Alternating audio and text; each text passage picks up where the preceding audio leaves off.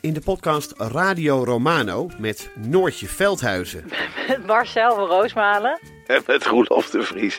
brengen we alle drie elke week een zogenaamde signalering mee. Wat heb jij nou weer bij je? En aan het eind bepalen we wie de winnaar van de week is. Echt een angstcultuur Lege huls die je er bent? Ja, dat gaat eigenlijk altijd onvriendelijk. Luister nu naar Radio Romano bij Podimo. Via podimo.nl slash Radio Romano luister je 30 dagen gratis. De strijd om de miljoenen van Siewert van Liende is losgebarsten. Zowel de staat als zijn stichting eisen de mondkapjeswinst terug. Maar dat die opbrengst in ieder geval niet thuis hoort bij Van Liende, daarover kan toch eigenlijk geen twijfel bestaan. Hoe kon het zo ver komen? Dit is het. We hebben beet. En als Siewert het geld teruggeeft, kunnen wij dit schandaal dan eindelijk loslaten? Je hoort het in de Mondkapjesmiljonairs, exclusief bij Podimo. Ga naar podimo.nl slash mondkapjes. Hallo, welkom bij deze wekelijkse podcast van de Groene Amsterdammer. En ik ben Kees van der Bos.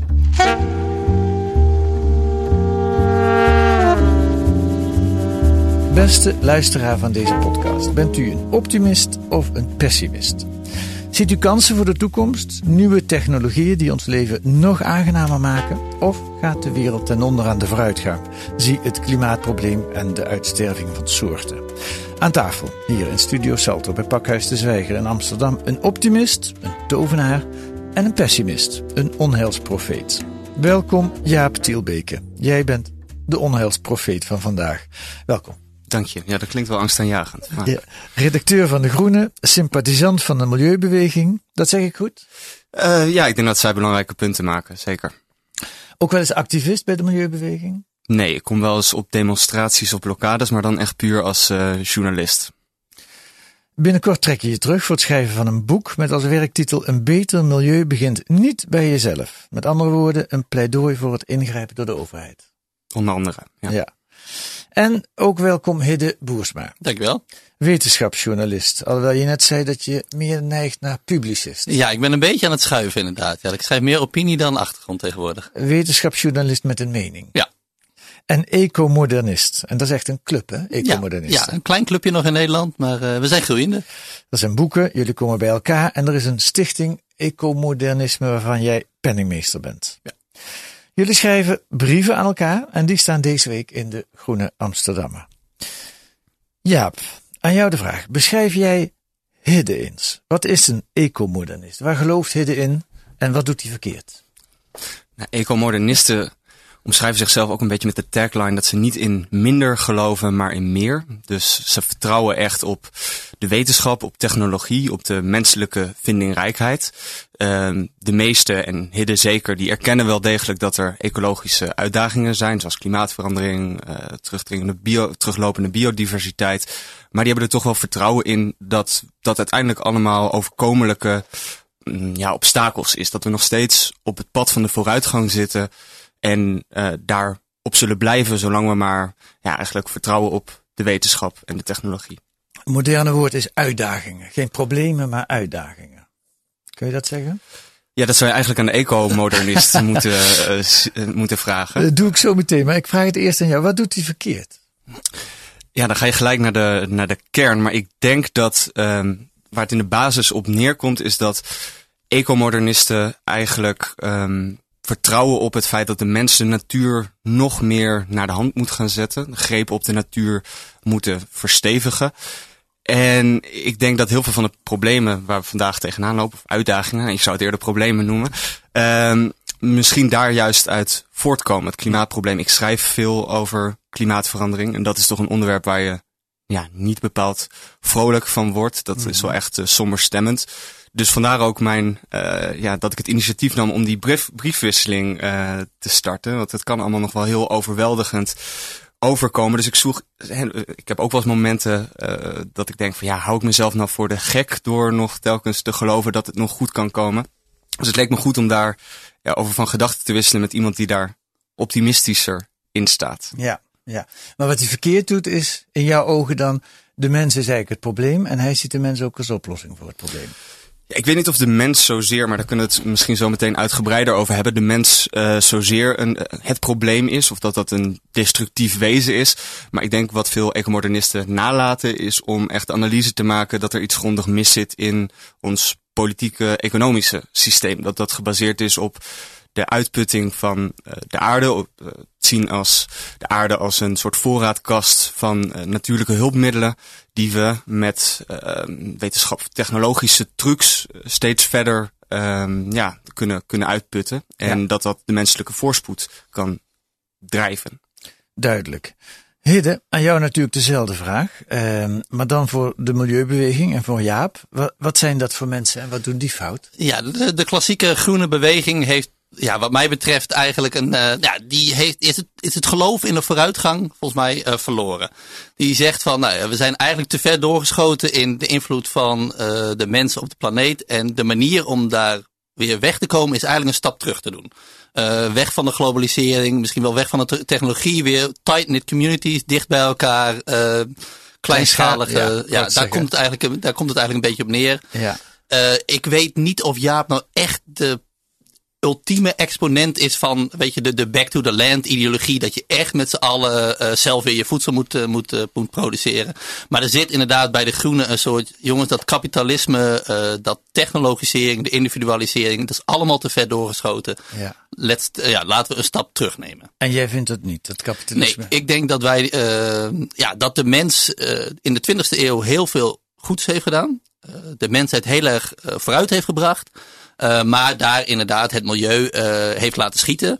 Maar dat was niet zozeer een bewuste keuze, maar omdat toen was de vooruitgang voor de mens nodig. Ja. En we zijn nu heel erg bewust van het feit, oké, okay, de volgende stap is om die natuur, het milieu, de biodiversiteit, het klimaat ook allemaal mee te nemen. En dat gaan wij doen door ons nou ja, verder in de vooruitgang te ontwikkelen. Ja, de common ground tussen jullie is, je ziet allebei de milieuproblemen, alleen je ziet een totaal andere oplossingsrichting. Ja, ik denk dat dat, dat wel. Te, ja, precies. We ja. hebben dezelfde idealen, maar een ja, andere route ja. er naartoe. Dat biedt ook een vruchtbare bodem voor een discussie, denk ik. Zo is het. Dat blijkt ook uit die briefwisseling. Even nog persoonlijk, uh, Hidde. Hoe ben jij ecomodernist geworden? Ben je ook ooit een uh, pessimist geweest en werd je op een ochtend wakker en denk nee, ik ga het helemaal anders doen? Of hoe gaat zoiets? Nou, ik, uh, er is een, uh, een, een, foto van mij bij Mont Saint-Michel in, in Frankrijk, waar ik opsta met een t-shirt. waarom zou ik mijn kamer opruimen als de wereld zo'n zootje is? Greenpeace. daar kom, Thunberg. ja, daar kom ik echt vandaan. mijn vader die werkte... Hoe oud was je toen? Ja, een jaar of veertien denk ik. Ja. mijn vader die is natuurbeschermer, die heeft zijn hele leven bij Staatsbosbeheer gewerkt. Dus ik kom echt uit die klassieke groene beweging. Ja. Uh, ik had ze ook echt op een voetstuk staan. Uh, ging biologie studeren, moleculaire biologie. Kwam heel veel in, raak, in, aanraking met genetische modificatie. Waar dus de, de, de klassieke groene beweging heel erg tegen is. Ja. Uh, en ik leerde daar van al mijn docenten, hoogleraren daar. Jongens, daar zit de milieubeweging naast. En dat was eigenlijk voor mij voor het eerst dat ik dacht, verrek. Die club waarvan ik dacht die de moral high ground hebben, die altijd gelijk hebben. Die hebben niet altijd gelijk. En nou ja, vanuit daar ben ik gaan onderzoeken. En toen dacht ik, hé, hey, het pad wat zij uitstippelen is niet mijn pad. Dus het kwam binnen via jouw studie? Ja, ja, en ik ben heel lang een dolende duurzame geweest, zeg ik altijd. Dat ik eigenlijk niet in een hokje paste. Tot ja. ik in 2015 het ecomodernistische manifest las. En denk, hé, hey, hier pas ik veel beter bij. Ja. Uh, wij moeten ons meer terugtrekken uit de natuur om de natuur met rust te laten. Dat is eigenlijk de basisvisie van het ecomodernisme. Daar voel ik mij bij thuis.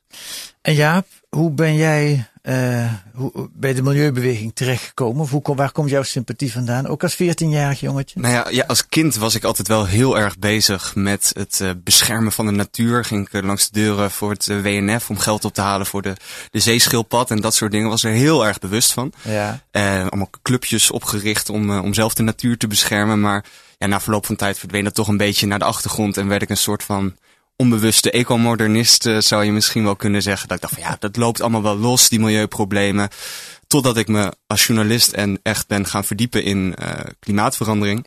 En dan zie je toch dat die, die vooruitgang waar Hidde het net over had, ja, uh, wordt voortgedreven door een economisch systeem, een fossiele economie, die gewoon ja, een enorme negatieve gevolgen met zich meebrengt. En waar we ons nu steeds beter van bewust worden. Um, dus in, in die zin ben ik daar, ja, eigenlijk had ik in mijn, mijn kinderlijke activisme misschien wel, uh, wel gelijk. Ja, ja, ja, ja. Eigenlijk zijn jullie ongeveer hetzelfde opgegroeid, als ik het zo hoor. Alleen daarna een andere weg ingeslagen. Ja, blijkbaar, ja. Ik ga uh, eerst jullie een fragment laten horen. En dat komt uit een documentaire die Hidde gemaakt heeft, Well Fed. Een documentaire uh, uitgezonden twee jaar geleden door BNN Vara. Maar uh, Hidde vertelde net dat hij nog steeds leeft en op festivals uitgezonden wordt. Um, luister. En dan vertelt Hidde mij over Golden Rice. Golden Rice is rijst waaraan een gen voor vitamine A is toegevoegd. Dat gen komt uit mais en daardoor wordt de rijst geel. Het project ligt al vele jaren klaar in de Filipijnen, maar wordt er tegengehouden door onder andere Greenpeace. Dit jaar wordt het voor het eerst hier getest, in Bangladesh. Een vitamine A-tekort leidt bij een half miljoen kinderen per jaar tot blindheid, waarvan de helft sterft. 250.000 kinderen, dat zijn er twee per minuut, omdat ze geen toegang hebben tot een gevarieerd dieet. Maar wel tot rijst. Hidde laat mij een brief lezen van 107 Nobelprijswinnaars die Greenpeace vragen, of eigenlijk smeken, hun campagne tegen Gentech en met name tegen Golden Rice te staken. En Greenpeace zegt nee. En dan begin ik voor het eerst Hiddes frustraties te begrijpen. Dat is jouw vriend Karsten de Vreugd. Klopt, ja. En de hoofdpersoon in de documentaire die is aanvankelijk kritisch over Gentech. Maar dat verandert. En dat hoorden we eh, onder andere in dit fragment. Um, Gentech. Veel regeringen in Europa zijn er nog tegen. De milieubeweging is er falikant tegen. Jaap, wat vind jij daarvan? Ja, misschien is dit zo'n moment waarop blijkt dat ik niet per se de, de traditionele profeet ben. Of niet helemaal in het keurslijf van de, de groene beweging pas. Want ik, ik bedoel, ik begrijp uh, Hiddes frustratie uh, daarin wel. Ik denk dat er uh, dit soort discussies vaak ook irrationele angst meespeelt. Dus dat er oneigenlijke argumenten worden ingebracht. Maar ik denk wel waar ecomodernisten vaak aan vooruitgang is dat Gentech natuurlijk ook heel erg samenhangt met wie gebruikt die technologie. En ja. op het moment dat dat in handen is van een aantal grote bedrijven, zaadveredelaars, dat dat ook negatieve gevolgen kan hebben. En uh, nu weet ik toevallig dat, dat Hidder daar niet blind van is. Maar ik vind dat wel dat die discussie vaak op één hoop wordt gegooid. Mm -hmm. En uh, dat er wel wat meer oog voor mag zijn ook voor hoe dat misbruikt kan worden. Maar in principe ben jij geen klassieke uh, uit de milieubeweging die zegt Gentech is, nee. dan word je gods spelen voor God, moral aan de natuur, dat moeten we niet doen. Nee, ja, misschien is het een beetje saai voor deze discussie dat ik zoveel nuance erin breng. Maar ik, ik begrijp dat Hidde soms ja, zich ergert aan het feit dat, dat het gezondheidsargument vaak wordt, uh, wordt ingebracht. Terwijl daar, maar volgens mij, maar dat weet Hidde ongetwijfeld beter dan ik, uh, geen hele reële risico's aan kleven. En jij hebt, dat nooit, je hebt er nooit last van gehad, om het zo maar te zeggen, van die milieubeweging opvatting, dat gentech niet goed is? Persoonlijk? Ja. Bent, nee. nee. Oh, Oké, okay. en Hidde, uh, ik wel, uh, namelijk. Ik ben, uh, okay. ik, ik, ben door die documentaire ook wel een beetje anders naar gaan kijken. Um, Hidde, jij bent een groot voorstander van technologie, ook van gentechnologie, dat is duidelijk. maar jij hebt niet genoeg oog voor, of de ecomodernisten hebben niet genoeg oog voor de maatschappelijke verhoudingen waarin dat uh, gebed is, waardoor niet die arme boeren in Bangladesh, zoals in jouw documentaire wel het geval is, ervan profiteren, maar waardoor Monsanto, de Monsanto's van deze wereld er vooral van profiteren. Wat vind je van dat ja, verwijt? Ja, kijk, ik denk dat die uh, discussie over Gentech inderdaad ook heel erg gaat over hubris. Weet je, over overmoed. Dus inderdaad, zijn wij als mens in staat om het genoom van een plant zo aan te passen dat het, dat het beter is voor de wereld. En dat geloven de klassieke groenen, Jaap dus niet, maar die geloven dat niet. Nee ik vind de kritiek op uh, het machtsverhaal uh, heel legitiem. Maar ik denk wel vaak dat er een soort karikatuur wordt gemaakt van het ecomodernisme. Dat wij het huidige politieke systeem oké okay vinden. Dat wij de, het, wat mij betreft het neoliberale kapitalisme uh, onderschrijven. En ik denk dat dat echt niet zo is. Dat ik moet eerlijk zeggen dat ik wel. Nou, uh, uh, het ecomodernisme staat eigenlijk op de schouders van, uh, van, de, van de sociaaldemocratie. Dus wij geloven heel erg in een hele grote uh, invloed van de overheid. Dus als het gaat bijvoorbeeld om uh, zaadveredeling, over ja. dit soort nieuwe technieken, zie ik veel liever en veel, vele ecomodernisten met mij dat um, de overheid een veel grotere stemmen heeft in wat wij gaan maken. Dus het ja. hele idee dat de markt um, wel zorgt voor goede toepassingen van zo'n technologie is, nou ja, dat is absoluut niet waar. Ik ben heel erg teleurgesteld in uh, welke toepassingen er op dit moment zijn. Ik bedoel, 90% van alle genetisch gemodificeerde gewassen gaat of in de maag van een koe of in de tank van een auto. Hmm. Uh, en dat is, dat is de druk van de markt. En dat vind ik heel jammer. Dus ik ja, ik denk dat er in de media vaak een soort karikatuur wordt gemaakt van dat ecomonisme. Dat ze zeggen, ja, jullie zijn rechts, uh, liberaal, status quo. Terwijl ik, ja, ik, zie onze plannen voor bijvoorbeeld uh, nou ja, voor de landbouw als radicaler Mhm. dan uh, de klassieke groene. Daar heb je geen enkel probleem mee, Jaap, denk ik, of wel? Nee, nee, kijk, ik denk dat de ecomodernisten, dat is natuurlijk ook een brede club mensen die allemaal hun eigen stokpaardjes hebben en hun eigen, uh, ja, nu, of hoe heet het, uh, nuances leggen of maken. Maar uh, ja, ik, ik denk dat er wel in, in, in je brieven schrijf je een aantal keer hidden dat we inderdaad uh, tegen de status quo in verzet moeten komen. Maar ik denk als je kijkt naar wat voor model landbouw bijvoorbeeld de Europese Unie uh, heeft gekozen, dan is dat heel erg altijd gericht geweest op het verhogen van uh, opbrengsten, intensievere landbouw. En dat is echt gewoon de, de koers van de, van de tovenaars, van de ecomodernisten. En ik denk dat je daar heel erg duidelijk ziet dat we tegen bepaalde grenzen op botsen. Ik vind het wel nou ja, kijk alleen al bijvoorbeeld in Nederland met het uh, stikstofbeleid of het fosfaat. Dat zijn Europese regels. En keer op keer uh, komen we er eigenlijk achter dat het huidige landbouwsysteem uh, die regels overschrijdt. En dan moet er weer een soort uh, administratieve, boekhoudkundige oplossing gevonden worden zonder dat er werkelijk iets verandert. En dat is heel erg dus gericht op het idee van zoveel mogelijk uit die bodem halen. -hmm. um, maar je ziet denk ik ook wel een omslag, zelfs bijvoorbeeld bij een universiteit, de Universiteit van Wageningen, wat van oudsher ook echt het instituut was dat dat landbouwmodel uh, voorstond, dat die nu in één keer inzetten op kringlooplandbouw. Dat is een beetje het nieuwe toverwoord en daar kan je ook nog allerlei verschillende invullingen aan geven. Maar je ziet wel uh, dat daar dus ook een omslag in het denken plaatsvindt. Ja. Ja. Dit, maar ik denk dat ik hierom juist precies een optimist ben. Dat ik dus zie dat wij dus in Wageningen bijvoorbeeld uh, in de 20e eeuw heel erg hebben ingezet op productieverhoging. Dat was nodig. Ja. En nu zien we jongens, we hebben, er zijn andere waarden belangrijk. Uh, biodiversiteit, klimaat. En nu gaan we dus met z'n allen al onze kennis inzetten om dat beter te maken. En dat, voor mij is dat de basis van mijn optimisme. Ja. En dat zie ik goed komen. Ja.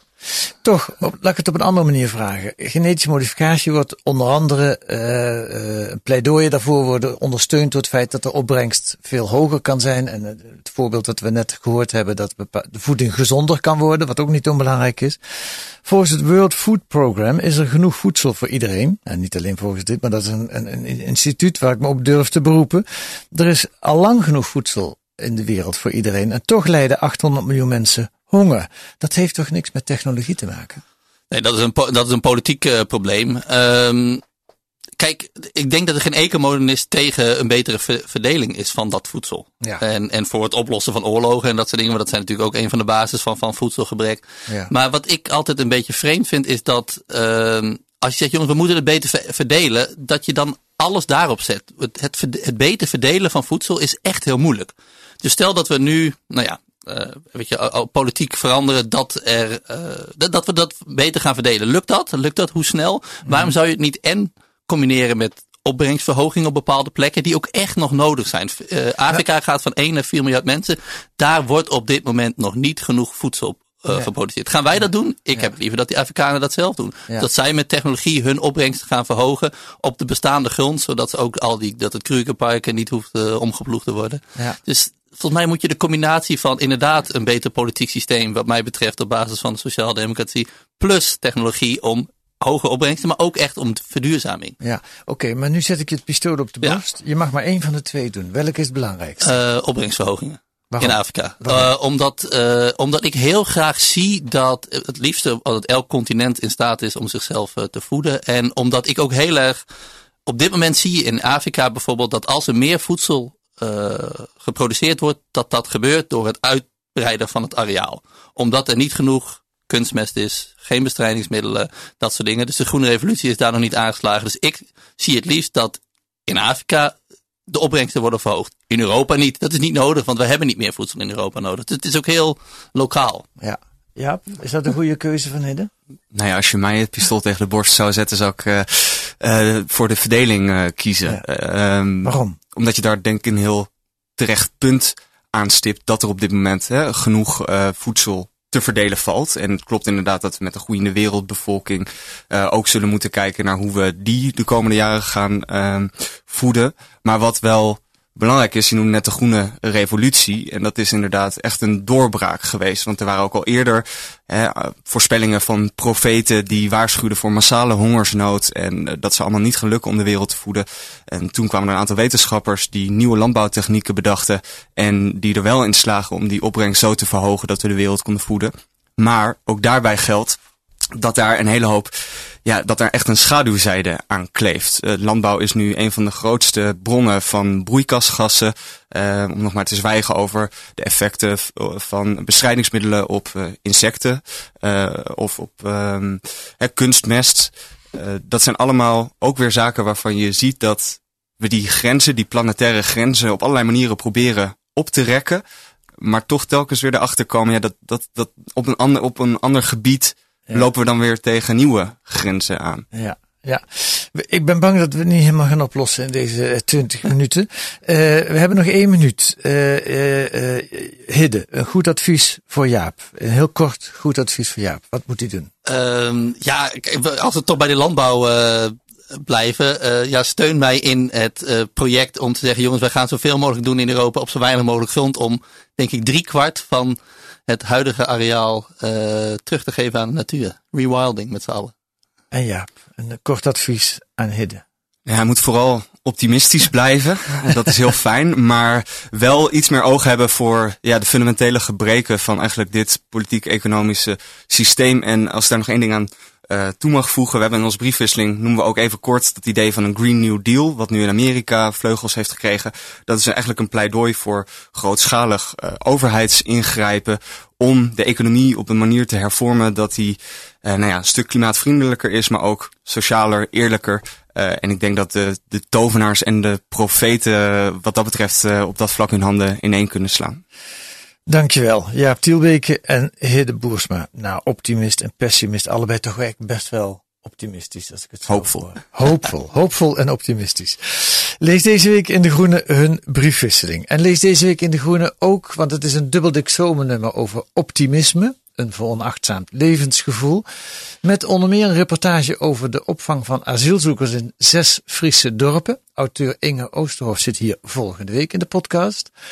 En wat hebben we nog meer? Een achtergrondartikel over de energietransitie. We kunnen prima overstappen op zon en wind. Dat zal Hidden niet ontkennen, denk ik. Maar moeten alleen nog een oplossing vinden voor als het in 2050 eens een keer drie weken windstil is en zwaar bewolkt. Kernenergie. Ja, ja. daar gaan we het volgende keer over hebben. een nieuwe podcast over opnemen.